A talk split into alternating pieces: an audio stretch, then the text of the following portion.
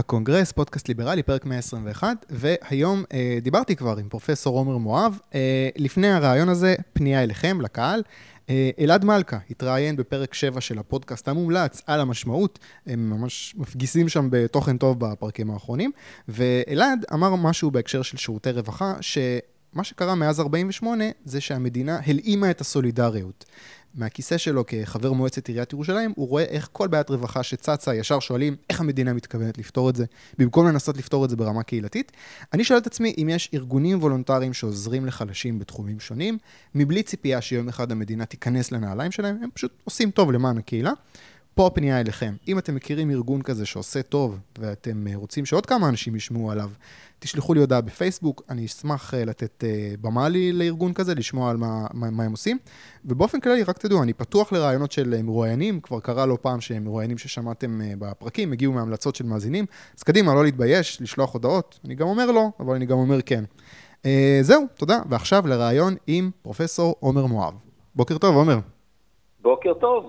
אה, פרופסור מואב מלמד כלכלה באוניברסיטת ווריק ובמרכז הבינתחומי בהרצליה, ואחד הקולות המשמעותיים בשיח הציבורי המרכזי, המיינסטרים, לקידום רעיונות של אה, שוק חופשי יותר בישראל. היה לך לא מזמן דיבייט עם אה, פרופסור יוסי זעירה, אירוע מוצלח מאוד לדעתי, מעניין. מאוד נהניתי לשמוע את הדיבייט הזה. קודם כל, איך הייתה החוויה שלך? אתה נהנית מהאירוע? אז אולי לפני, לפני כן אני אציין שמי שרוצה לראות את הדיבייט, זה הכל צולם והוקלט, אפשר גם כפודקאסט, גם בסרטון יוטיוב. כן, כן, העליתי את זה כפרק זמין. אצלי. אה, מה? סליחה? העליתי את זה, פני, פניתי לחברים אה, מתא אדם סמית, אבל באמת... יש את זה זמין אצלי בבלוג, אז אה, כן, אני חושב שזה בהחלט היה מעניין. אמ, אני, תראה, לא הפתיע אותי שום דבר, ואני חושב שהצלחתי להעביר את המסר, אז הדיבייט עצמו לא תסכל אותי, הסיטואציה שעליה התלוננתי במהלך הדיבייט בהחלט כן תסכלה אותי. אז בוא, בוא, בוא, אוקיי, אני אתן אולי טיפה רקע, אני חושב שאני מבין למה אתה, אתה אה, מתכוון. אה, אוקיי, הייתה תמה באמת, שתחושה שלך, אני חושב שכלכלנים בכירים בישראל ממלאים את פיהם מים אה, מלהתייחס לסוגיות כלכליות בוערות בשיח הציבורי, סוגיות שאין סביבם מחלוקת בשיח הכלכלי, פחות או יותר. אה, הבאת שם את הדוגמאות של פתיחת השוק ליבוא והסרת אה, מכסים, אה, נושא של אה, פיקוח על שכר דירה כמדיניות שנחקר ו- ונמצא שהיא... לא מועילה אף פעם, מזיקה. העלית את הטענה בפני אה, פרופסור זעירה יותר מפעם אחת. אתה מרגיש שקיבלת תשובה על התהייה הזאת שלך, למה משאירים אותך בעצם לבד בשדה הקרב להילחם בטיעונים האלה? כן, אני חושב שמה שקורה זה מעניין, כי התקשורת הישראלית, הרי הכלכלנים לא מדברים ישירות לציבור בישראל. אה, בדרך כלל, יש מעטים כמוני נגיד, שכן, יש לנו בלוג ויש עוד כמה, אה, בעיקר חבר'ה הרבה יותר צעירים, רוב הגישה של כלכלנים, של כלכלנים לציבור, ויש כאלו שהתקשורת אוהבת לראיין לא מעט, אה, נניח ודאי נגידת בנק ישראל קרנית פלוג שהייתה נגידה, וודאי אה, פרופסור אה, אבי בן בסט, ופרופסור יוסי זעירה, ופרופסור מומי דהן, אלו השמות המוכרים בתחום הכלכלה. אני לא אתייחס כמובן לזה שבתקשורת הרבה פעמים מראיינים אנשים שאינם כלכלנים, כאילו הם מומחים לכלכלה, הבולט שבהם הוא פרופסור דניאל גוטווין, שהוא, יש לו מה להגיד בנושאים כלכליים, למרות שהוא חסר כל השכלה או הבנה mm-hmm. אה, בתחום. אה, בתוצאה של זה היא, ואני לא יודע מאיפה הסלקציה מגיעה, האם זה העדפות של התקשורת או האם זה ה... האנשים שמעדיפים להתבטא, כי רוב הכלכלנים הבכירים בישראל, הבכירים ברמה האקדמית, הם בכלל לא, אה, לא פונים לתקשורת בכלל ולא מדברים בציבור, הם שקועים במחקר שלהם. כן, אני אתן לך עובדה, לדעתי זאת עובדה די ברורה. אה, הדברים שאני אומר הם בעצם הקונצנזוס בין החוקרים, הדוקטורים והפרופסורים לכלכלה בישראל. אולי לא קונצנזוס, אבל ההסכמה הרחבה. כן. והתמונה שמתקבלת בתקשורת מראיונות עם הכלכלנים היותר סוציאליסטיים היא לא התמונה המייצגת. אוקיי. וזה כמובן מביא אותי לעניין של אז על מה כלכלנים מדברים. יש, זה, וזה פה משהו מאוד מתסכל, אני חושב שציטטתי שם את פול קרוגמן, אבל הוא לא היה הראשון, שבסוף אה, יש תחומים שבהם לכלכלנים יש יכולת לתרום תרומה מהותית לניהול הכלכלה, תחומים שבעצם בתחום המחקר הכלכלי כבר אין עליהם כמעט ויכוח, כי העובדות ברורות, אבל דווקא בתחומים האלו הכלכלנים או שלא שואלים אותם, או שהם לא מדברים עליהם, ודווקא מתעסקים בתחומים שאין להם אה, יותר מדי תרומה. ואם ניקח באמת את הדיבייט שלי עם יוסי זעירה, למעשה לפרופסור זעירה יש טענה אחת מרכזית, טענה פוזיטיבית על העולם, שאותה הוא מציג, אני כלכלן מקצועי וזה מה שיש לי להגיד. שאם רוצים ממשלה יותר גדולה, יותר גדולה במובן של הוצאות יותר גדולות, אפשר לעשות את זה, אפשר לגבות יותר מיסים, אפשר להוציא יותר כסף, וזה אה, לא יפגע בצמיחה הכלכלית, אבל זה יקטין פערים. אה, זעירה מנסה להגיד כאילו הוא כלכלן כמקצוען, זה מה שהוא אומר, הוא לא ממליץ כך או אחרת, אבל ברור לגמרי שהוא מאוד ממליץ כך, האידיאולוגיה שלו אה, ברורה ושקופה, הוא בעמדה מאוד סוציאליסטית, תומך ועדי עובדים, תומך פעולות מקטינות פערים ותומך ממשלה גדולה, וככלכלן כל מה שיש לו להגיד, אפשר לעשות את זה, זה לא יפגע בצמיחה. נשים רגע בצד את הטענה שלי שמה שהוא אומר גם לא מבוסס, כלומר גם הטענה הפוזיטיבית שלו לא מבוססת. למעשה המחקר הכלכלי לא מאשש את הטענה שאפשר להגדיל את הממשלה וזה לא יפגע בצמיחה. רגע, אני רוצה, אני, אני יכול... אני רוצה רגע להיות כן פרקליט השטן. אה, אני הקשבתי לדיבייט, והוא העלה שם טענה, הוא אמר, תראו מה קרה בישראל עד, אה, אני יודע, מלחמת יום כיפור פחות או יותר. כן, ההוצאה הציבורית הייתה גדולה מאוד, אני לא בטוח שאני משתמש במושגים הנכונים, ההוצאה הציבורית הייתה גדולה מאוד, והייתה צמיחה מרשימה מאוד. זו טענה שמחזיקה מים? כן, תראה, אבל אתה יודע, זה כמו שתגיד לי, בוא, אני, אני רוצה לטעון באוזניך עכשיו שהשכלה לא תורמת לשכר. אה, בסדר? Mm. ובואו ניקח שתי דוגמאות, את משה ואת חיים. הנה, משה יש לו תואר ראשון, ולחיים אין, ובכל זאת חיים מרוויח יותר ממנו. מה תגיד לי? תגיד לי, זה סתם דוגמאות, זה לא מחקר רציני. Mm. אני מפנה בפוסט שעשיתי את הקוראים למחקר שמסתכל על הרבה מדינות, לאורך הרבה שנים, ובסך הכל המסקנה שם היא שבגדול כנראה שבמדינות מערביות אנחנו נמצאים בתחום שבו כאשר מעלים עוד את המיסים ומגדילים עוד את ההוצאה, זה כן פוגע בצמיחה. Mm-hmm. עכשיו, תראה, זה גם לא כך משנה אם זה כן או לא. אני מוכן לקבל שהיפותטית ייתכן שזה לא יפגע בצמיחה. לי אין טענה קטגורית שזה פוגע בצמיחה. אני רק טוען שלהצהיר קטגורית שזה לא פוגע בצמיחה, זה לא נכון. כי זה mm. מאוד תלוי, אין ויכוח על זה שמיסוי פוגע בצמיחה. אבל מצד שני, אם לממשלה יש יותר תקציב, היא יכולה לעשות עם זה דברים שתורמים לצמיחה. האם ממשלת ישראל תשתמש בתוספת התקציב לעידוד צמיחה? אני בספק רב. אבל כך או כך, אני לא כך חושב שזאת טענה כל כך חשובה, כי מותר לחברה להחליט שרוצים ממשלה יותר גדולה, שתעשה הרבה דברים נפלאים למען הציבור, גם אם זה יפגע בצמיחה, אז מה? אני לא, לא רואה למה זה כזה קריטי אה, לטעון שזה לא פוגע בצמיחה. אבל הנקודה המרכזית היא, למה להתעסק רק בזה? יש כל כך הרבה שאלות חשובות. הזכרת את חלקן, אבל יש לנו באמת מגזר ציבורי כנראה לא יעיל. יש פה שאלה, יש פה, משרד האוצר עושה כל הזמן בניסיונות לחשוב לעומק, איך עושים רפורמות שישפרו את השירות לציבור. איך משנים את הרגולציה באופן שתגביר תחרותיות, תוריד את יוקר המחיה, איך משנים מדיניות באופן שיגדיל את הפריון. יש אין ספור שאלות כלכליות חשובות שכלכלנים יכולים לסייע בהן, יכולים לסייע גם בייעוץ ישיר לפקידי ובכירי האוצר, וגם יכולים לסייע בהסברה לציבור. וזה מה שאני מנסה לעשות. כמעט כל מה שאני עוסק בו וטוען, אלו דברים שמוסכמים על כלכלנים. וחבל שבאמת, וזה הדבר שמצער אותי, שכשמראיינים את האנשים שהזכרתי קודם, כל מה שיש להם להגיד זה צריך לגבות עוד מיסים, להגדיל את ההוצאה הציבורית ולצמצם פערים. זה כמעט כל מה שיש להם. אני רוצה... להיכנס... כן, כן, אני רוצה עוד אה, ניסיון לעשות, להיות אה, רגע פרקליט השטן. באמת, אני ניסיתי, אני, אני הרגשתי בדיבייט שבאמת, אה, באנגלית קוראים לזה You held his feet by the fire. זאת אומרת, חזרת עוד פעם ועוד פעם לטענה, אז פחות או יותר אמרת לו, יוסי, אתה יודע שזה נכון, למה אתה לא פותח את הפה? זה, זה מה שהרגשתי.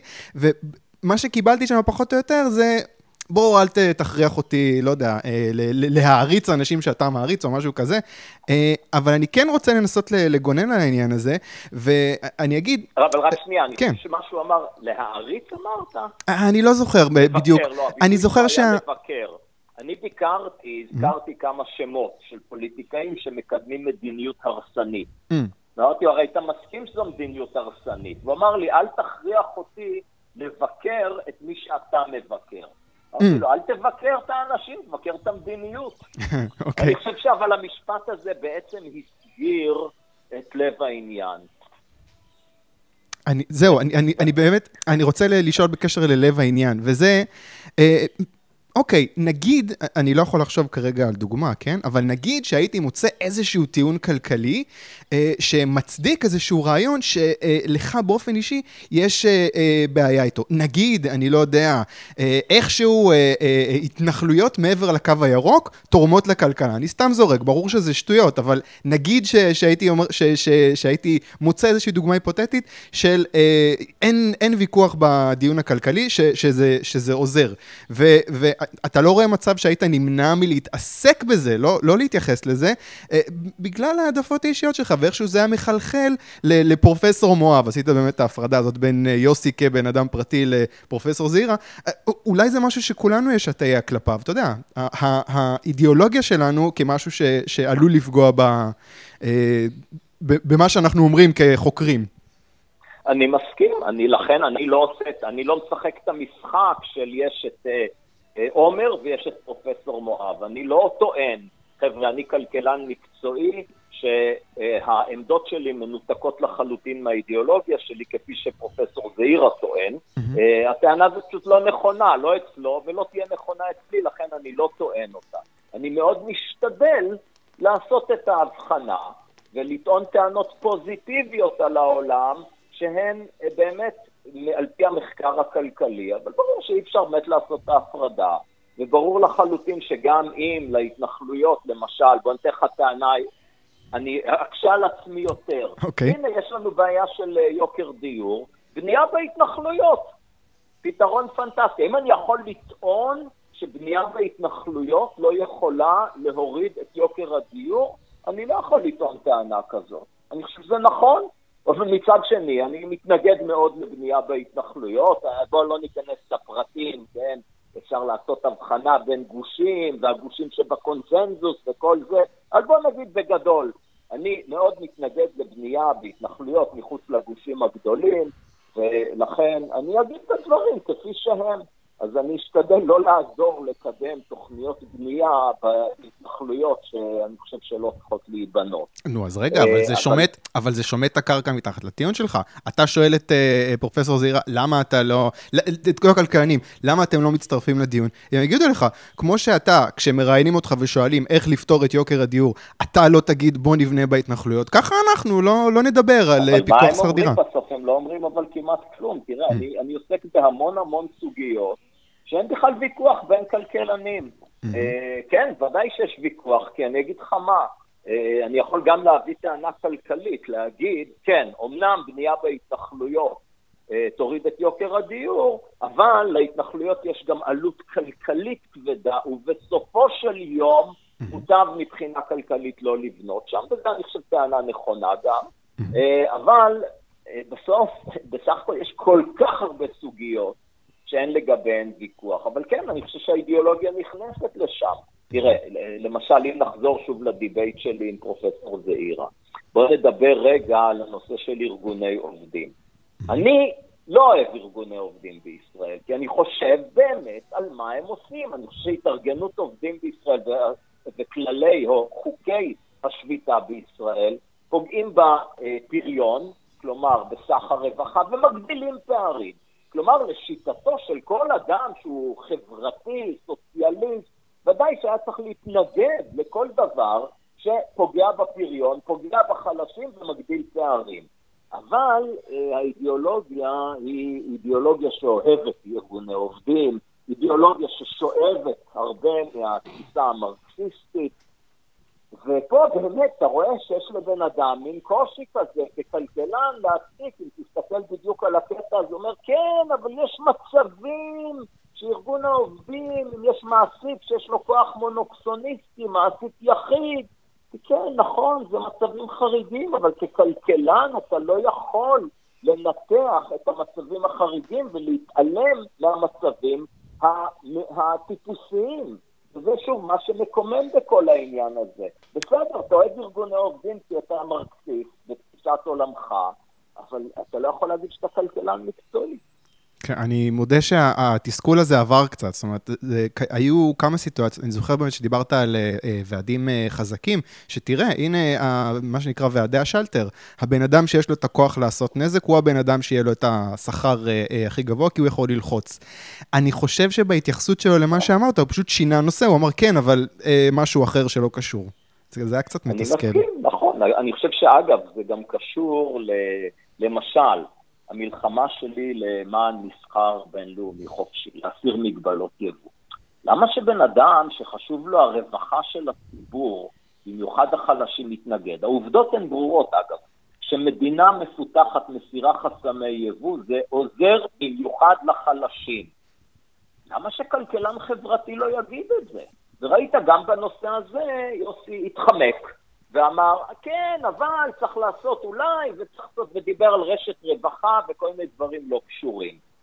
אה, ואני חושב שפה זה בדיוק ההתנגשות עם הקבוצה שהוא בעצם מזדהה איתה. כי להגיד, להסכים איתי פה זה לצאת נגד uh, מנהיגי מרץ, מנהיגי העבודה, וזה אנשים לא רוצים לעשות אם זו הקבוצה שהם תומכים בה. אני... אני... הדבר נגד פיקוח שכר דירה, אנחנו כולנו יודעים מי מקדם פיקוח שכר דירה, ואנחנו מבינים שזאת לא, היא לא חברת מפלגה שכלכלנים סוציאליסטים רוצים להתעסק איתה. כן, טוב, זה קשה לצאת נגד אנשים שאתה, שהם חלק מהמיליה שלך, אני, אני, זה, זה משהו שאני יכול להבין, זה, זה מאוד מתסכל אותי, אבל אני, אבל אני מבין את האנושיות פה. אני יכול להגיד אולי לזכותי שאני לא מתבייש לבקר את כולם במערכת הפוליטית, נכון. מימין ומשמאל. אני מנסה באמת להיות כלכלן מקצועי בעניין הזה. אין, אין, אין הרבה... לעשות הנחות לאף אחד. אין הרבה פוליטיקאים ש, ש, שאוהבים אותך, אני חושב. Uh, אני רוצה לדבר שנייה, לעבור נושא. Uh, בואו נדבר שנייה על הגירעון, הגירעון הממשלתי. הממשלה מוציאה יותר ממה שהיא תכננה להוציא, הרבה יותר. נגיד בנק ישראל טוען שהגירעון קרוב יותר ל-4.5 Uh, התרגלתי, אני חייב להגיד שהתרגלתי למחשבה בשנים האחרונות שמשהו שקרה בישראל בתחילת שנות ה-80, מין משבר כלכלי שקרה עוד פעם, כי קודם בזבזו ואחר כך ניסו לבדוק איך משלמים, שדבר כזה לא יכול לחזור. ולאור הגירעון הזה אני שואל את עצמי אם משהו השתנה פה, משבר, משבר כזה יכול לחזור? זאת אומרת, לאן הגירעון הזה עלול להוביל? אה, שאלה טובה. אני חושב שבשנות ה-80 היה, ה... אה, לא הייתה עצמאות לבנק מרכזי, והממשלה יכלה לממן את הגירעון על ידי הדפסת כסף, ומאז דברים השתנו. כלומר, היום אנחנו מבינים, זה, זה נושא מעניין של באמת תרומה מאוד חשובה של כלכלנים להבנה של איך בולמים אינפלציה. וזה לפעמים משעשע לקרוא היום מה כלכלנים בכירים כתבו בתחילת שנות ה-80, כמה אז לא הבינו מה שאנחנו מבינים היום לגבי אינפלציה. בכל מקרה, אה, לסכם את הדברים, כאשר ממשלה יכולה לממן גירעון על ידי הדפסת כסף, אה, לא לאורך זמן, כי בסופו של דבר זה יוצר אינפלציה, ואינפלציה שהולכת וגוברת, וזה יוצא משליטה, כפי שבאמת קרה בישראל בשנות ה-80, וקרה במקומות אחרים בעולם בצורה אפילו הרבה יותר חמורה. אה, יש לי במקרה בתיק, מישהו נתן לי במתנה שטר של 100 טריליון דולר. זה שטר של דול... 100 טריליון דולרים של זימבבואה, אוקיי? אז זה מראה לך לאיזה רמות אינפלציה מטורפות אה, אפשר להגיע. אתה יכול, כל אחד יכול לקנות לעצמו שטר כזה, פעם אחרונה שבדקתי זה עולה באי-ביי אה, אלף או אלפיים שקלים. אבל שטר כזה? אתה משלם אלף שקלים או אפילו אלפיים ומקבל מאה טריליון דולר. אוקיי, אוקיי בסדר, אז אינפלציה לא תהיה, זה לא אומר שלא יקרה משהו רע. נכון, לא, בהחלט, בהחלט יכול לקרות משהו רע מאוד. אה, אבל בעיקר, גם אם לא יקרה משהו רע בכיוון של משבר כלכלי, זה בהחלט ייתכן. ואני חושב שאנחנו רואים שיש האטה מסוימת בכלכלה, וכמובן יכול להיות ירידה בדירוג האשראי, שזה משמעות פשוט עלות מימון יותר גבוהה, אבל בגדול, מה זה גירעון? גירעון זה להטיל נטל על העתיד. וזה באמת, יש איזה משהו במדיניות ציבורית שהוא לא ייחודי לישראל, אלא הוא תופעה רחבה שקיימת יותר במדינות כמו ישראל, פחות במדינות שמנהלות את הדברים באחריות, אה, כמו המדינות הסקנדינביות למשל, של בואו נחיה היום על חשבון הילדים שלנו. זאת המשמעות. אבל זה לא כל אחד חי על חשבון הילדים האישיים שלו, אלא זה אנחנו המבוגרים, בואו נדפוק את הדור הבא. כן, אז נגדיל קצת את הגירעון, לא נורא. ואתה רואה כל מיני דברים, הנה בדיוק עשיתי פוסט, קצת אה, הייתי בוטה בפוסט הזה, אבל אה, התייחסתי לאמירה של אילן גילאון, שאמר ששמירה על גירעון נמוך זה קפיטליזם חזירי. הבנת את זה? אז זה חלק מהבולשיט שיש פה, שהציבור שומע, כל מיני פוליטיקאים, אני זוכר שפעם נתניהו, בחולשתו, בעליבותו, אני אגיד, אה, נכנע ללחצים מצד ההוצאות ולא רצה להעלות מיסים, אז הוא אמר, החלטתי להגדיל את הגירעון.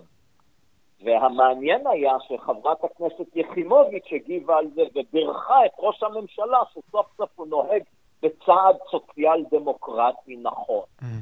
אה, שאין איוולת יותר גדולה מזה. אחד, אין בזה שום דבר נכון, כי זה בסך הכל ליצור נטל על העתיד. שתיים, המדינות הסוציאל דמוקרטיות המצליחות לא אוהבות גירעון ובעצם מפעילות מדיניות תקציבית מאוד שמרנית. אה, כשאתה מדבר באמת על הגירעון וסוציאל דמוקרטיה, המשחק הזה עם המונח אה, הזה, אתה באמת, הרפרנס ישר הוא למדינות סקנדינביה. אותי מעניין משהו שקצת דיברנו עליו קודם, האם הנושא הזה של הגדלת גירעון, זה גם משהו שבקרב כלכלנים יש קונצנזוס שזה לא משהו טוב? או שזה משהו שנוי במחלוקת? אז אני אגיד לך מה התפיסה המקובלת בקרב כלכלנים. להגדיל את הגירעון בשביל להעלות את רמת החיים הנוכחית זה לא דבר טוב. להגדיל את הגירעון למען השקעה למען העתיד, את זה אפשר לשקול בחיוב. אה, אז, אז תמיד אפשר יהיה להגדיל את הגירעון ולטעון, לא, לא, אנחנו משקיעים בתשתיות, זה בסדר. בדיוק, זאת הבעיה. לכן אני תמיד מתקומם כנגד רבים מחבריי הכלכלנים שאומרים את הטענה הזאת, אתה יכול אה, לשמוע, כלכלנים רציניים בישראל, יש לנו את אה, כנס מכון אהרון פעם בשנה, אה, זה נהיה באמת הכנס הכלכלי החשוב בארץ לדעתי, שאני יושב הראש שלו, צביקה אקשטיין, ראש מכון אהרון, בונה תוכנית, באמת כנס יפהפה, אבל באמת, שומע שם כלכלנים מאוד רציניים, אומרים, תראו, הריבית מאוד נמוכה עכשיו, יש פרויקטים לאומיים ששווה בשבילם בעצם לקחת הלוואה מהעתיד, אבל להשקיע, לבנות תשתיות, להשקיע בהשכלה אה, טכנולוגית אה, וכדומה. ואני תמיד אומר להם, בואו תראו, גם היו לנו לפעמים פוליטיקאים מגיעים לכנס. ואמרתי להם, תשימו לב שאתם אומרים, בואו נגדיל את תוצאות, את המיסוי, נעלה מיסוי, כן, הכלכלנים, בשונה מהפופוליסטים כמו כחלון או נתניהו עכשיו, או יחימוביץ' וכדומה, אה, שאומרים, בואו, אין בעיה, בואו אה, אה, נגדיל הוצאה בלי להעלות מיסים. אז הם אומרים שני דברים. אחד, אם רוצים להגדיל הוצאות שוטפות, צריך להעלות מיסים. שתיים, לצורך השקעה אפשר גם להגדיל הוצאה בלי לגבות מיסים, וכן, ולקחת הלוואה מעתיד, כלומר גירעון. Mm. אה, ואני אומר להם, אבל תשמעו את הפוליטיקאים פה שדיברו, הם לא מתכוונים להשתמש בכסף שאתם ממליצים להם להוציא למטרות שאתם חושבים שיהיו ראויים. אתם אומרים להגדיל את הגירעון, הם כבר יחליטו מה לעשות עם הכסף, וזה לא יהיה מה שאתם רוצים. טוב, אבל פה מאוד קל להיתמם ואתה יודע, להרים ידיים ולהגיד, מה אני יכול לעשות שפוליטיקאים עושים מה שפוליטיקאים עושים? אני לא בעד להרים ידיים. לא, אתה יודע, אתה יכול להיתמם אה, בצורה כן. סבירה. כן, אני, אני לכן, אני חושב שהתפקיד שלנו זה כל הזמן לצעוק את הדברים האלו, להגיד את מה שמוסכם לגמרי על כלכלנים. Mm-hmm. לא להגדיל גירעון בשביל צריכה שוטפת, ובהחלט אפשר כן לקחת הלוואות בשביל השקעה. ונכון, אני חושב שגם מוסכם על רוב הכלכלנים שמדינת ישראל נמצאת בתת השקעה בתחומים רבים, נניח תחבורה למשל, יש לזה מחיר מאוד כבד במונחי תוצר ורווחה, ופה יש מחדל חמור. אוקיי, okay, אני רוצה... אבל יש אילוצים אה, קואליציוניים, אז, אה, אז יש סדרי עדיפויות שונים. תראה, בסוף אין מה לעשות, שאנחנו מדברים לא באופן מאוד רחב וכללי, אלא ספציפית על השנים האחרונות והשנים הקרובות, יש לנו בעיה אחת מאוד רצינית, וזה ממשלה לא מתפקדת, ראש ממשלה לא מתפקד, אה, ויש לזה השלכות חמורות בהרבה תחומים, בעיקר בתחום הכלכלי. אתה יודע, אני שואל את עצמי, אני מבין את הטיעון הזה, אבל אני אומר לעצמי, אוקיי, רגע, נכון, ממשלה מתפקדת. ביבי זה לא מה שהיה אפילו לפני, אפילו אחרי שהוא היה שר אוצר, זה כבר לא מה שהיה. אבל מה יהיה אחריו? זאת אומרת, יש איזשהו פוליטיקאי שאתה רואה שאפילו מדבר, אה, כאילו, אתה מבין מה אני שואל? מה יהיה אחרי? לא בטוח שיהיה יותר טוב. אה, די בטוח שלא יהיה יותר טוב. אני אוהב את הדיבורים של ביבי. מה? אני מאוד אוהב. ביבי, אני אוהב את הדיבורים של ביבי. תן לו אוקיי. לדבר, הוא פנטסטי, הוא אומר את הדברים הנכונים. אבל בסדר, אני מבין שנצטרך להתפשר על מישהו שאומר דברים קצת פחות יפה וקצת פחות נכונים. על מה אכפת לי הדיבורים? כן. אני בסוף מסתכל על המעשים. ויש תראה, מישהו שהמעשים באמת, שלו בכיוון הנכון? איזשהו תראה, פוליטיקאי? אני, אני חושב שאחת הבעיות הקשות ביותר עם נתניהו זה שהוא גם משמיד כל אופציה לאלטרנטיבה, מנסה לפחות להשמיד. אני לא רוצה להיכנס לשמות, אבל אני חושב שנכון להיום, אפילו בנבחרת הדי עלובה שיש בליכוד, יש אנשים יותר טובים וראויים מנתניהו להיות ראשי ממשלה. כן. Uh, הטענה הטיפוסית, אני אומר, כל פעם שאני מבקר את נתניהו, אז מה אומרים לי? טוב, מה אתה מעדיף, את ניסנקורן כשר אוצר? זה לא, זה לא טענה רצינית, לא, כן? לא, לא. הטענה הרצינית היא, יש אפשרות, ומתישהו ביבי יפסיק להיות ראש ממשלה. ומישהו אחר יחליף אותו, כנראה מהליכוד, כנראה מהליכוד. זו, זו המציאות הפוליטית, וזה בסדר. אבל להגיד אין אלטרנטיבה, בית הקברות מלא באנשים שאין להם, שלא היה להם תכלית. בסוף לכולם יש תכלית. אני רוצה לשבור עכשיו לנושא, תחומים שבדרך כלל אני לא שומע אותך מתבטא בהם, אה, אבל זה מאוד אקטואלי ואני סקרן. בקשר למחאה של הקהילה האתיופית, אני מיד אתן את ה... אני אכוון את זה לשאלה מאוד ספציפית. אה, אז עוד לא ברור מה קרה בתקרית הזאת, שבה השוטר ירה למוות בסלמון טקה, אה, אבל ברור שמה שהיה שם לא היה צריך לקרות, זה לא היה צריך להסתיים ב- בירי ובמוות. אני כל הזמן שואל את עצמי בנוגע למשטרה, אם יש מקום לשיטור קהילתי יותר בישראל, מין מודל אמריקאי כזה, שבו העיר, המחוז, לא משנה כרגע הגודל של האזור, אה, בוחר שריף במרכאות, והוא עומד בראש כוחות שיטור מקומיים שהוא ממנה. אה, אני חושב שאולי אם יש יותר חיבור בין תושבים למשטרה שאמורה לשרת אותם, זה משהו שיכול קצת להקטין את החיכוך, אה, אולי יכול למנוע דברים כאלה. מה, מה המחשבה שלך על שיטור ברמה מוניציפלית ולא במודל כן. שיש כרגע? אתה יודע, אולי יש תחנת משטרה בכפר סבא, אבל לי כתושב כפר סבא אין שום השפעה על מה שקורה כן. שם. יש לך אני... מה ל- ל- אה, להוסיף לדיון כזה? אני חושב שזאת שאלה מאוד מעניינת. אני מודה שאומנם אני לא כמו הכלכלנים שביקרתי קודם, שיש לי רק דבר אחד להגיד, אני עוסק בהרבה תחומים ולומד אותם. ובאמת, אני רוצה להדגיש שוב, אני לומד אותם ברצינות. מי שייכנס למשל לבלוג שלי, יראה שיש שם קישורים לניירות מדיניות שכתבתי בתחומים אה, רבים. זאת אומרת, זה לא שאני למשל מדבר על אגרות גודש בשליפה, חקרתי את הנושא. זה לא שאני מדבר על אה, פיקוח שכר דירה בשליפה, חקרתי את הנושא. אוקיי. Okay. השביתה, חקרתי וכדומה וכדומה וכדומה.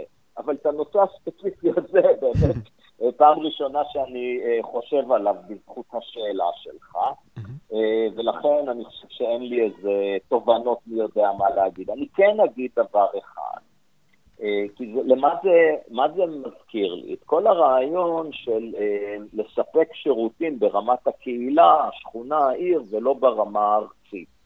אה, ואנחנו רואים את זה, כן, בתחומים אחרים. ואחת מההתנגדויות היא הטענה של אי שוויון. למשל, אם תיקח חינוך, אז יגידו לך, זה לא טוב שהחינוך יהיה במימון מקומי בחלקו, אה, זה מה שקורה בפועל, כי אז ביישובים עשירים הילדים יקבלו חינוך טוב יותר. Mm. ואפשר אולי לטעון באותה רמה שיישובים עשירים תהיה להם אה, משטרה טובה יותר, וישקיעו יותר כסף בשיטור כדי לדחוף את הפשע לשכונות חלשות. ואני mm. רוצה להגיד שאת הטענה הזאת אני לא מקבל, אוקיי? אני חושב שאנחנו חיים בעולם קפיטליסטי, לטוב ולרע. אה, לטוב, כי כל אלטרנטיבה היא גרועה הרבה יותר. זה חלק mm-hmm. מהמחיר של עולם של כלכלת שוק תחרותי. זו השיטה הכלכלית היחידה שיודעת לייצר רווחה. ושוב, להדגיש, למנוע אי-הבנות. כל המדינות הסקנדינביות המצליחות הן קפיטליסטיות, שלא יהיה ספק בעניין. אה, אז בעולם כזה יש אי שוויון, ואנשים שיש להם יותר כסף נהנים מרווחה יותר גדולה. הם גרים בשיכונים, בדירות יותר יפות, יש להם יותר מרחב, נוסעים במכונית יותר טובה, בממוצע. אוכלים במסעדות יותר טובות, מוציאים יותר כסף על אוכל יותר איכותי, יש להם כסף לתת למורים פרטיים לילדים שלהם, וכולי וכולי וכולי. ואני לא רואה סיבה למנוע מאנשים להוציא על עצמם כסף כשזה לא על חשבון אחרים, רק כי זה יוצר פערים. כן. למה לא לאסור על אנשים ללכת למסעדות? כן. למה לאסור ב... באמת, אני, אני את הטיעון הזה לא מקבל. ואדרבה, אני חושב שאפילו זה, שוב, זה מביא אותי לכל הנושא הזה של האובססיה על פערים ואי שוויון. אני, כפי שאני אומר תמיד, אה, ואני אולי אחזור על זה כאן, אני חושב שמדיניות כלכלית צריכה להיות מכוונת של מדינת ישראל, צריכה להיות מכוונת להגדלת הרווחה של הציבור, עם דגש על מי שנמצא למטה. כלומר, איך לשפר את איכות החיים של החלשים יותר. אבל תשים לב, אני לא אומר שצריך לצמצם פערים. כן. כדי לצמצם פערים אפשר פשוט לדפוק את מי שהצליח. להטיל מיסים מטורפים על חברי העשירון העליון, כן, זה יצמצם פערים, אבל זה יפגע סך הכל ברווחה. זו גישה לא נכונה. וזה, אתה רואה את זה בהרבה מקומות, למשל ההתנגדות, אנשים, יש המון עוינות לבין-תחומי שאני מלמד שם. אה, כן, זה השכלה פרטית לעשירים, זה לא בסדר. מה לא, יש לך צעירים שבמקום לנצל סובסידיות כבדות מהמדינה במערכת הציבורית, הולכים לבית ספר פרטי. הם חוסכים למדינה כסף, מפנים משאבים לטובת החלשים יותר. זה לא בסדר? ואין גבול לקנאה. הקנאה הזאת זה דבר שיוצר מדיניות לא טובה. אני רוצה בהקשר הזה לחזור רגע לנושא של אה, הקהילה האתיופית. אה, אני אנסה אולי לשאול משהו שאולי קצת יותר קרוב לכלכלה. אה, אז נושא נוסף שעלה בעקבות ההפגנות והמחאה, הוא הנושא של שילוב הקהילה האתיופית בחברה הישראלית. אני אישית מסתכל על זה וחושב, אין קיצורי דרך. זאת אומרת, משפחה שמגיעה ממדינת עולם שלישי, כמו אתיופיה נניח, אי אפשר לצפות שכשמגיעים לארץ, והילדים הקטנים, תוך זמן uh, קצר יהיו uh, מצטייני דיקן במדעי המחשב, ולא כגזענות, אלא כי כשמגיעים מתרבות נכשלת, לוקח זמן לעשות את המעבר הזה. Uh, אבל הוויכוח הוא שאיכשהו המדינה אשמה בזה שקיים קושי הסתגלותי לתרבות המערבית, שסך הכל כן קיימת יותר בישראל. מה אתה חושב? ההסתגלות הזאת זה משהו שהמדינה כושלת בטיפול שלו, או שאין מה לעשות, הזמן יעשה את שלו, זו עבודה קשה, מי שרוצה להתקדם צריך לעשות את זה בכוחות עצמו וכולי וכולי. אני חושב שאמפירית נורא קשה לעשות את ההבחנה. ברור לגמרי שמי שהגיע ממדינת עולם שלישי, עם אה, ממוצע שנות לימוד של היותר מבוגרים בקהילה האתיופית, זה פשוט מספרים מאוד מאוד נמוכים, נדמה לי פחות משלוש שנות לימוד, אבל יכול להיות שאני טועה. כך או כך, זה באמת מספרים מאוד נמוכים, בוודאי שזה לוקח זמן. עכשיו, אבל השאלה היא כזאת, האם מדינת ישראל, ובואו נעשה הפרדה בין ממשלת ישראל לבין הציבור בישראל, מקלים על התהליך או מקשים? לגבי הממשלה, אני לא יודע, אני באמת לא יודע אם נעשה מה שסביר לעשות. כלומר, האם נעשה ניסיון ליצור מצב של אה, יותר קרוב לשוויון הזדמנויות לפחות. אה, אפשר לחקור, אפשר לחקור דבר כזה? אז זה נורא קשה לחקור, אבל תכף אני אתן לך דוגמה למחקר יפה. אוקיי. Okay. והשאלה השנייה היא, האם הציבור בישראל מפלה כנגד האתיופים, או באופן כללי נגד שחורים? אה, ולשאלה השנייה אני יודע את התשובה, והתשובה היא כן. אה, איך אני יודע את זה? בזכות מחקר מאוד יפה של ידידי יונה רובינשטיין, עם דרור ברנר, מאמר מאוד יפה שפורסם באחד מכתבי העת החשובים ביותר בכלכלה, שבאמת מנסה בצורה מדעית לזהות אפליה בין אשכנזים למזרחים, לא בין הציבור uh, הישראלי הוותיק לבין האתיופים, mm-hmm. ובין אשכנזים למזרחים יש אפליה. עכשיו בואו נבין את העניין.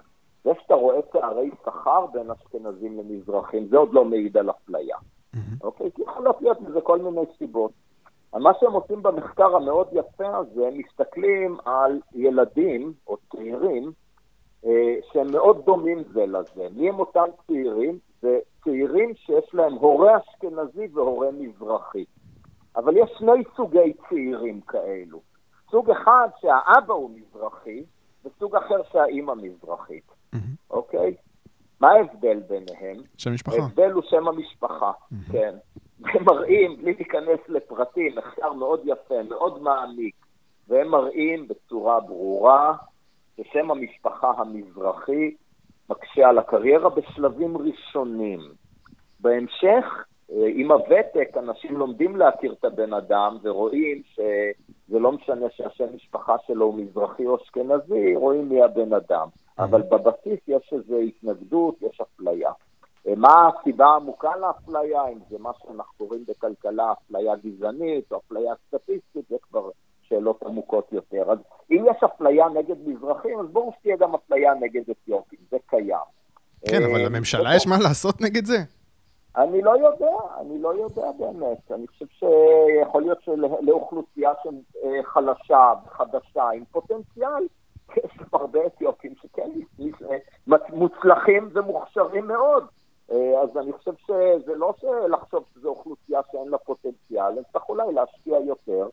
באמת לא יודע לענות על זה. אני כן אעיר שאני חושב שנוצרה נורמה לא ראויה. עם כל זה שיש להם אולי סיבות מוצדקות למחאה, הנורמה שנוצרה בישראל של לחסום כבישים, וזה לא משנה אם זה הנכים או האתיופים או מי שזה לא יהיה, הנורמה הזאת שהמשטרה מאפשרת חסימת כבישים והתפרעות ופגיעה בציבור רחב, היא פשוט בלתי סבירה.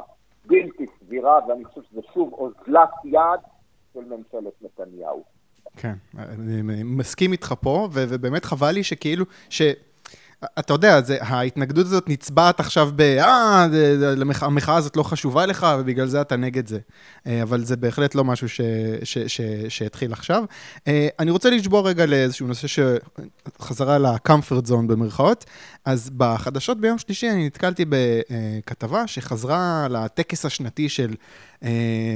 ככה וככה שנים אחרי מחאת האוהלים, אה, הפעם זה שמונה שנים אחרי מחאת האוהלים, מה השתנה בשוק הדיור? וקצת מייאש אותי שהבעיות אותן בעיות, אבל יותר מייאש, הפתרונות שהם מציעים להם אותן פתרונות.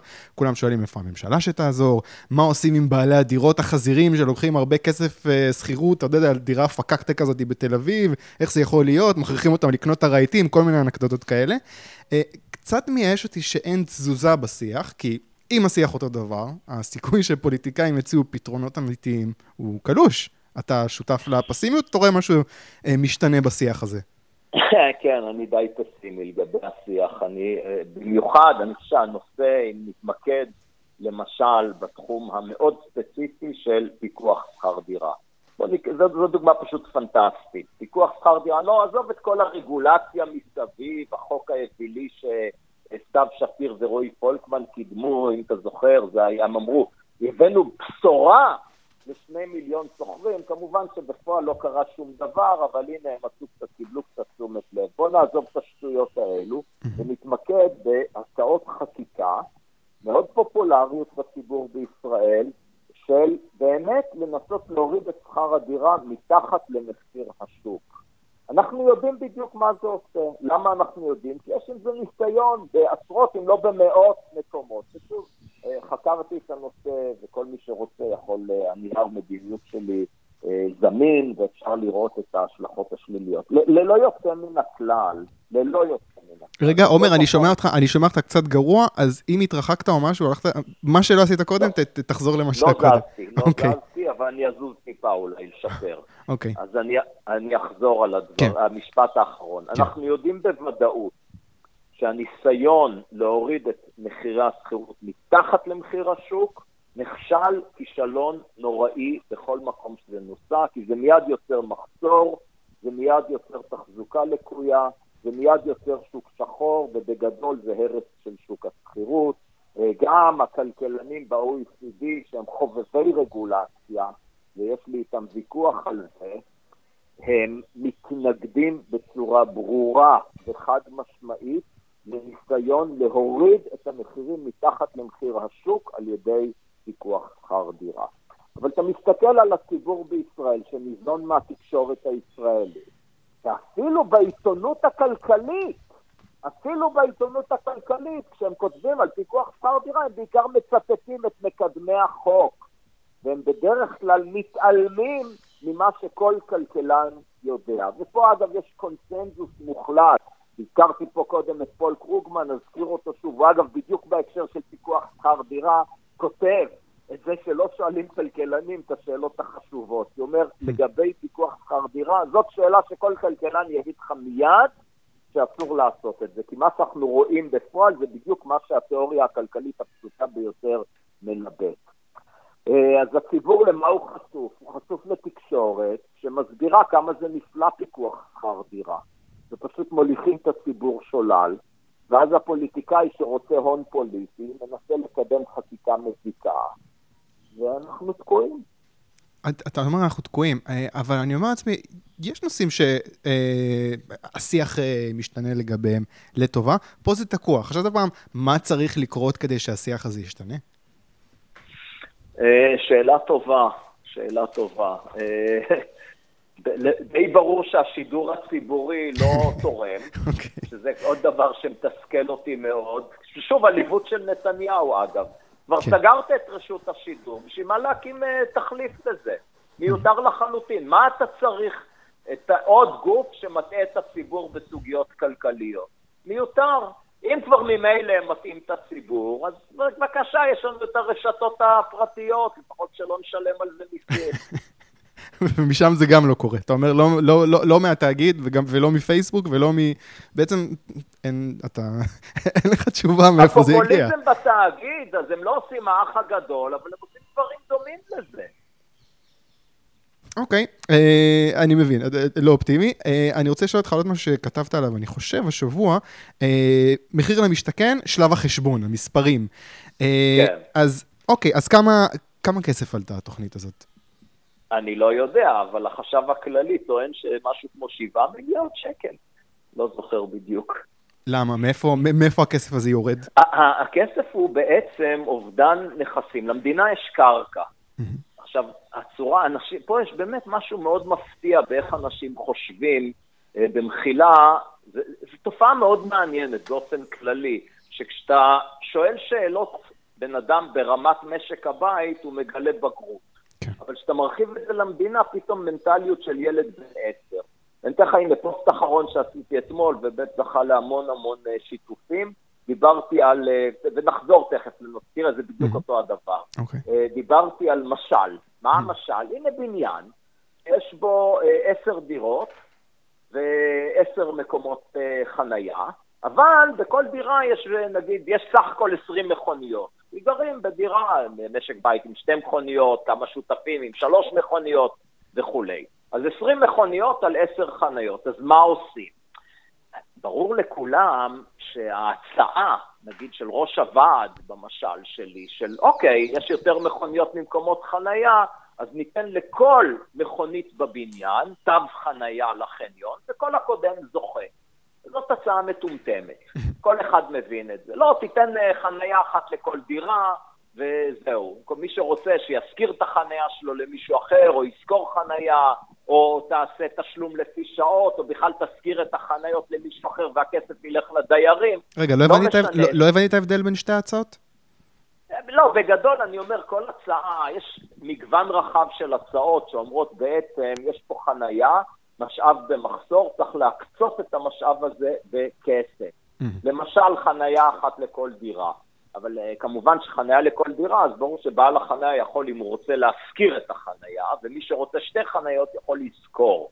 Uh, אבל אפשר גם לפי שעות לשלם, אה, מה שברור לחלוטין, לפחות לכל מי שהגיב שם בפוסט שלי, אה, ברור לגמרי שלהגיד, אוקיי, אז בואו פשוט נאפשר חנייה חופשית, וכל הקודם זוכה, שזה פתרון רע, נכון? אוקיי, למה הוא רע? בואו בוא נדגיש למה הוא רע. כי המשמעות תהיה שדווקא אותו משק בית שמחזיק למשל ארבע מכוניות, אבל בקושי יוצא בהן שימוש, אז הוא יתפוס 40% מהחניות. אה, מי שלעומת זאת, נגיד, אה, יוצא כל יום לעבודה עם הרכב, אבל חוזר מוקדם, תמיד תהיה לו חנייה. מי שיוצא לעבודה כל יום עם הרכב וחוזר מאוחר, אף פעם לא תהיה לו חנייה. ודווקא הזוג המבוגר, שאין להם רכב בכלל, אבל הנכדים רוצים לבקר אותם, להם לא תהיה חנייה אף פעם. אז השיטה הזאת של מין, אה, בוא ניתן לכולם תווי חנייה, הרבה יותר ממקומות חנייה, ברור לחלוטין שהיא השיטה הכי גרועה פחות או יותר שאפשר להעלות על הדעת. זה כולם מבינים. אבל כשאתה עובר מרמה של בניין אחד לרמה של עיר, פתאום כולם, לא, זכות יסוד לחנות חינם. כן, וזה אני מדבר על למשל העיר תל אביב, אני לא יוצאת בעניין, יוצאת דופן, היא רק אה, שם בעיית חניה חמורה, שהעירייה מחלקת תווי חניה חינם. לא לפי משק בית, אלא לפי מכונית. זאת אומרת, יש משקי בית שמקבלים אפילו אה, שלוש, ארבע, חמש אה, תווי חנייה, ואחרים לא מקבלים בכלל, ולאנשים נראה שזו השיטה הנכונה. זה באמת צריך להיות, סליחה, במנטליות של ילד בן עשר כדי להבין זאת שיטה פשוט מטומטמת. ואתה רואה, אותם בני אדם, שזה ברמה הכללית, הציבורית, מגלים הבנה ברמה מאוד נמוכה של המציאות הכלכלית, בעוד שברמה המיקרו מבינים מצוין. אוקיי, okay, ואיך אתה קושר לי את זה למחיר למשתכן? יפה. עכשיו הקרקע היא קרקע של הציבור הרחב. איך אתה רוצה להקצות את הקרקע של המדינה בצורה אופטימלית? תחליט כמה קרקע אתה משחרר כל שנה, ותמכור את הקרקע הזאת במחיר המרבי שניתן להפסיק. כלומר, תוריד את המחיר עד שכל הקרקע תימכר לצורך בנייה. מדוע? כי כל הנחה על הקרקע היא בעצם כמו מס. כי הקרקע, התקבולים על מכירת קרקע במחיר מלא, הולכים לכלל תושבי המדינה, דרך uh, זה שאתה חוסך תשלום מיסים, זה מגיע לקופת המדינה. Mm-hmm. ולעומת זאת, אם אתה עושה את זה בהנחה, זה ממש כאילו עושה את הכסף מקופת המדינה. אין שום הבדל. אבל משום מה אנשים מתקשים לראות את זה. הרי כמו שכחלון uh, שיווק את זה, מה הוא אמר? אני שמתי סוף לספסרות של מדינת ישראל בקרקע.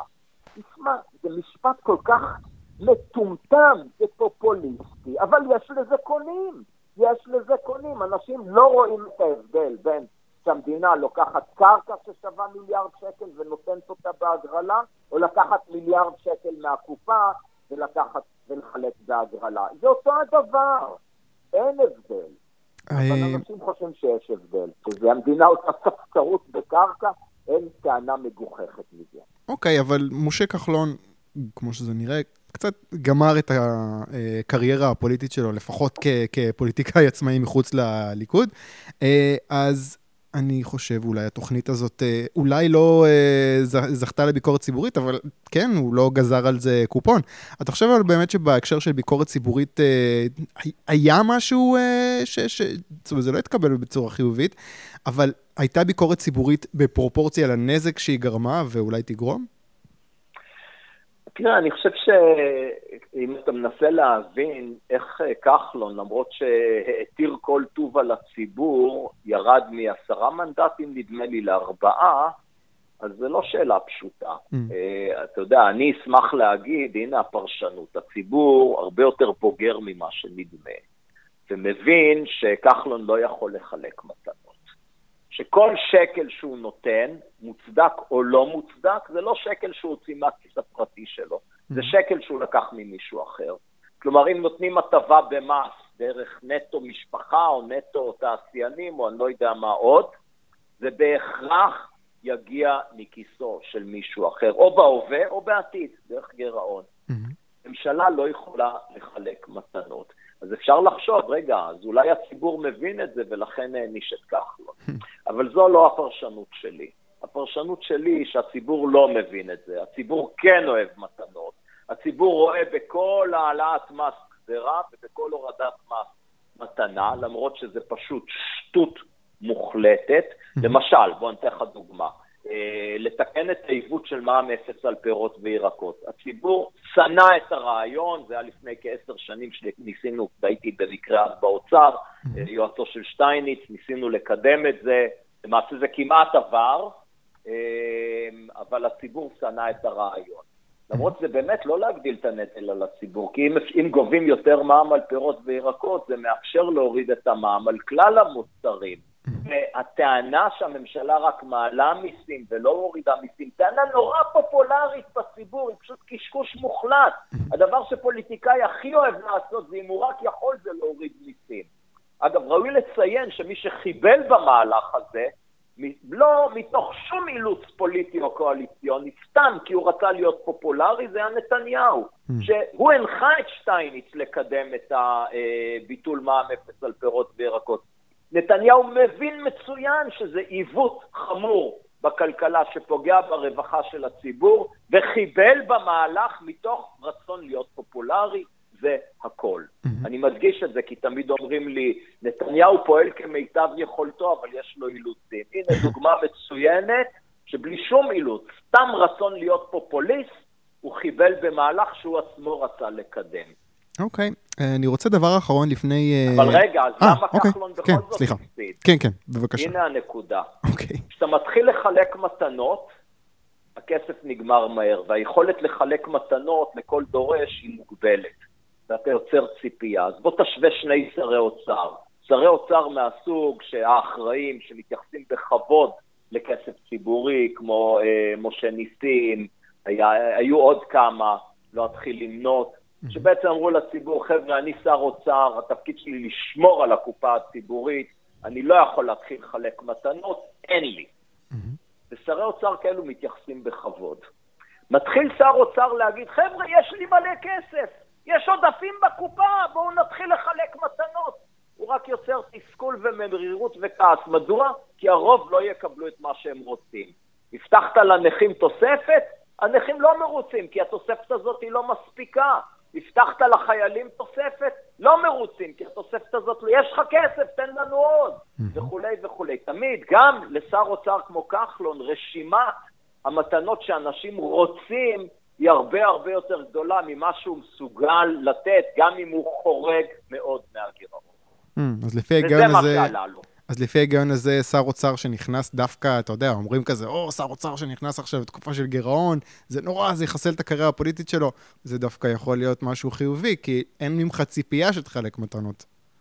אני מסכים. אני, שוב, אפשר להסתכל על ניסיון העבר, כדאי לעשות פה הבחנה בין שרי אוצר שנוהגים בכבוד ובאחריות בקופה הציבורית, לבין שרי אוצר שעושים דברים נכונים, אבל שהם רפורמות שהציבור לא אוהב.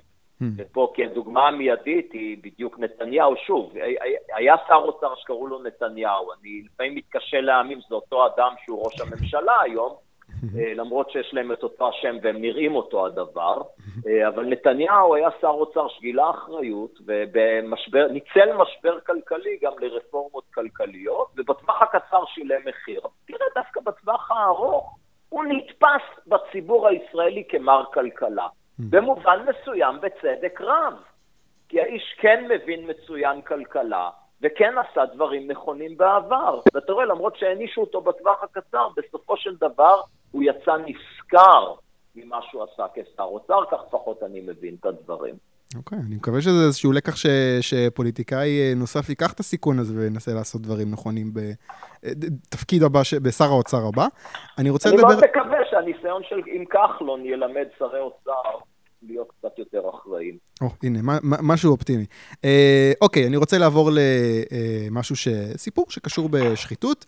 אה, בדה-מרקר התפרסם, אה, זה היה כבר לפני שבועיים, אני חושב, אה, חוקרים, אה, חוקרי המשטרה שפשטו על אה, משרדי חברת אה, לובינג ברמת גן, אה, אספו מסמכים, זימנו חלק מהעובדים לחקירה, והסתבר שמתנהלת חקירה סביב לקוח של החברה הזאת, מדובר בכמה יצרני פרוות.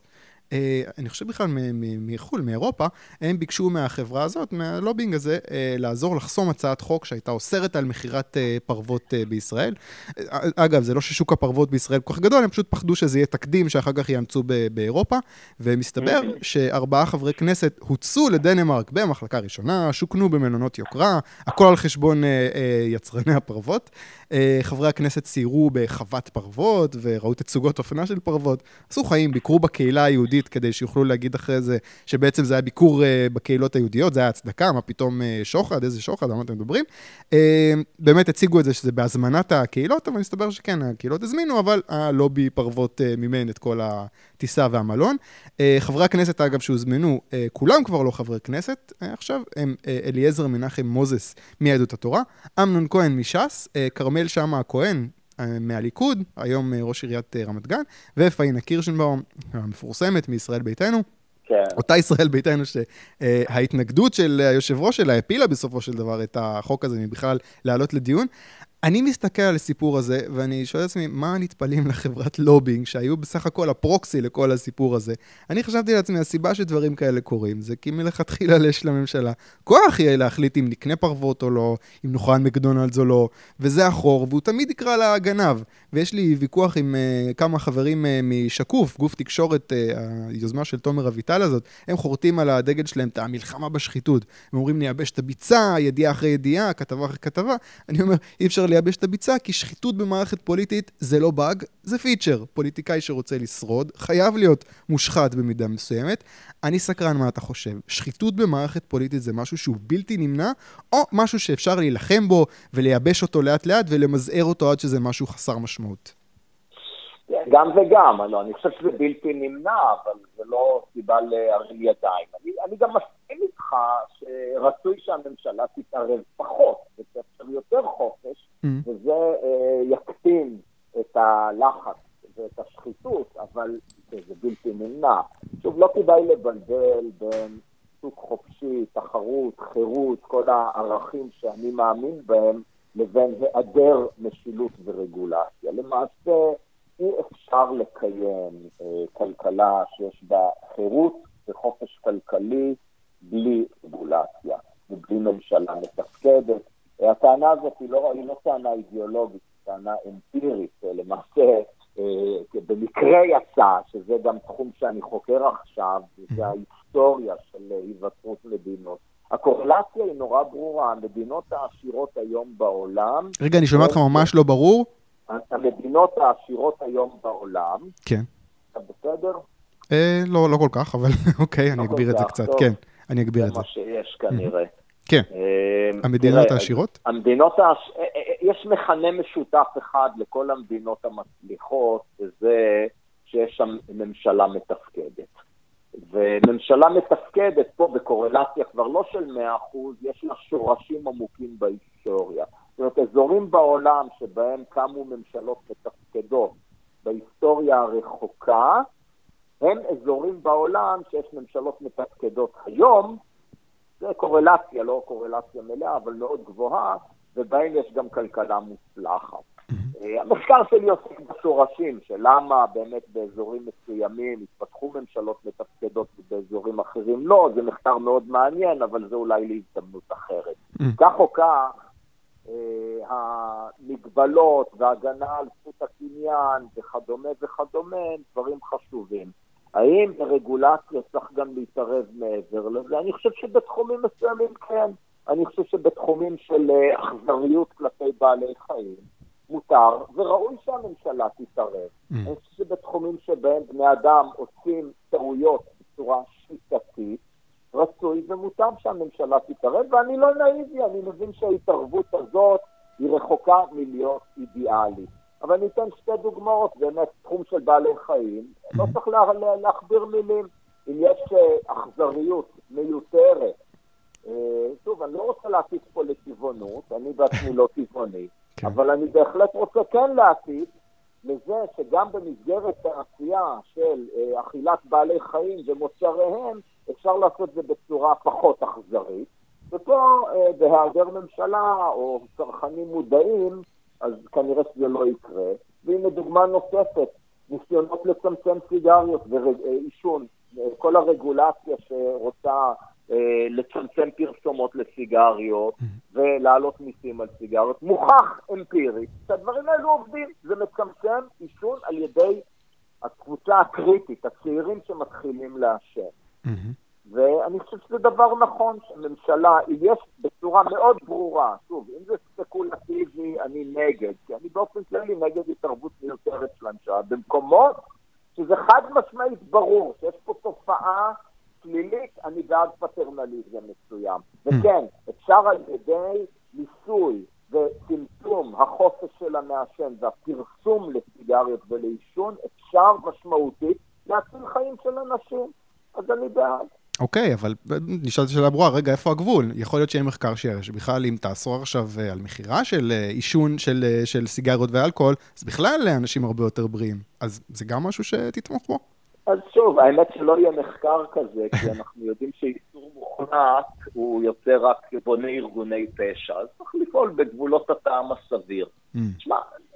זה לא פשוט לנהל כלכלה ומדינה, והפתרונות, כל הליברטריאנים שחושבים שיש איזו שיטה נורא פשוטה והכל יהיה פנטסטי, אז הם פשוט טועים. ומי שיורד לעומק הדברים ומדבר עם uh, פקידים בכירים במשרד האוצר שמתלבטים על איך לעשות רגולציה נכונה, כמובן שאני לא רוצה לטעון שהם עושים רק את הדברים הנכונים, ודאי שלא, יש שם uh, חשיבה מעמיקה, לפעמים עושים טעויות, לפעמים יש אילוצים פוליטיים קשים, אבל הדבר המרכזי הוא שזה מאוד מאוד מורכב. במיוחד שאנחנו מתחילים במצב נתון, אנחנו לא איזה אה, לוח חלק שבו נבנה עכשיו את מדינת ישראל בצורה אופטימלית. מדינת ישראל קמה על אה, שורשים מאוד מאוד סוציאליסטיים, ולאט לאט יש שיפור.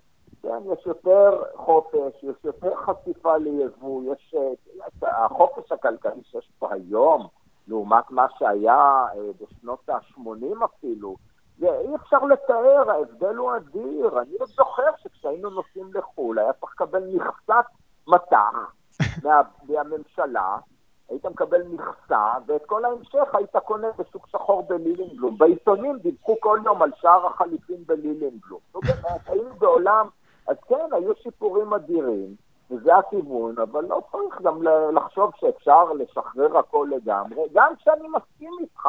Mm. זה ברור שככל שהממשלה תתערב פחות, יהיה פחות מקום ללוביסטים אה, ללחוץ על הממשלה. אגב, יהיה, יהיה כן לוביסטים שילחצו תמיד כן להתערבות, זה גם קורה, אל תשכח גם את זה. כן? כן. אתה נותן לי פה דוגמה של לוביסטים שרוצים שהממשלה לא תתערב ולא תמנע בחוק יבוא של פרוות. אבל יש המון פעמים שזה לוביסטים שפועלים בדיוק בכיוון ההפוך. נדמה לי שאחת הדוגמאות המפורסמות זה האפודים הצהובים שיש לנו ברכב, נכון? כן, כן, כן. זו דוגמה, דוגמה מוכרת. כן, אתה יודע, אותי הקפיץ פשוט ש... אז בוא לא נרים ידיים, כן, אז בוא לא נרים ידיים במלחמה בפשיטות, כן כדאי אה, שהתקשורת תעשה, תאיר את תשומת הלב, וכדאי שהציבור יעניש את המושחתים. אוקיי, דבר אחרון... וכדאי, כן. וכדאי, סליחה גם, אה, הממשלה לא תחבל במערכת אכיפת החוק. ושוב, אני חוזר לאותה נקודה היום, שיש לנו ראש ממשלה שפועל בנחישות לחבל באכיפת החוק בישראל. כל זה כדי להציל את אורו שלו. אה, אוקיי, אני רוצה דבר אחרון לדבר על uh, המלצת תרבות, ספר, סרט, פודקאסט, אירוע שאתה רוצה להמליץ עליו. אם לא חשבת על משהו, אה, אני אתן לך רגע לחשוב, ואני רוצה להמליץ על כתבה נהדרת של מורן שריר, שעלתה בגלריה בשבוע שעבר, כתב, כתבה שסוקרת דוח הזוי שממשלת ישראל אה, הקימה אה, ועדה שינפיק לה אותו, בנושא סכנת הכתות בישראל. מסתבר שבתחילת שנות ה-80 התחיל לפרוח בישראל שוק כזה, אני יודע, קבוצות של מדיטציה, סנטולוגיה, קרישנה, כל, כל, כל טוב. הממשלה פחדה ששוטפים את המוח למיטב הנוער, והקיבוצים פחדו שהקבוצות האלה גונבות להם את החברים, אה, ועושים להם את האינדוקטרינציה הלא נכונה. מכל הלחץ הזה צמחה ועדה בראשות סגנית אה, שר, שחיברה דוח מקארתיסטי להחריד, שמסמן את כל הקבוצות האלה. שם בסל אחד אנשים שעושים יוגה ואנשים שעושים סנטולוגיה. אה, סיפור מרתק, מזעזע על מה שהיה פה עד לא מזמן, ואולי עדיין קצת קיים במידה מסוימת בכל הנוגע ל... לכבד שטויות שאנשים אחרים עושים בזמנם הפנוי, כל עוד הם לא פוגעים באף אחד, אפילו אולי לא בעצמם. Uh, קוראים לזה בחזרה אל בעלת הכתות של האייטיז. אני אשים לכתבה הנהדרת הזאת של מורן שריר קישור. עומר, מה ההמלצה שלך? אה, אוקיי, אז uh, מאחר ובעבר חקרתי את התחום של צריכה ראוותנית במדינות עניות, מישהו שלח לי לאחרונה קישור לסרטון קצר, אה, מה זה בערך איזה רבע שעה, אה, במסגרת כתבה של אה, רשת הטלוויזיה הרוסית, ארטי, אבל רוסית לאנשים מחוץ לרוסיה, זה הכל באנגלית. Mm-hmm. ומה שהם מראים שם זה כתבה על משהו שהתפתח בקונגו, mm-hmm. של מין תרבות של אנשים שעניים בסך הכל, שמוציאים המון המון כסף על לבוש ראוותני. אה, זה פשוט מדהים לראות את זה. זה אני מאוד ממליץ. אז שלחתי לך את הקישור, אה, רואים שם אנשים עניים שלוקחים הלוואות וקונים נעליים באלף דולר או באלפיים דולר. לובשים חליפות הכי יקרות שיש, ואתה רואה עם הבגדים המהודרים האלו, איך הם הולכים ברחובות אה, של בוץ. זה פשוט מדהים. וואו, אוקיי, מעניין, אני אראה את זה. אה, עומר מואב, פרופסור עומר מואב, תודה רבה. תודה רבה, כל טוב.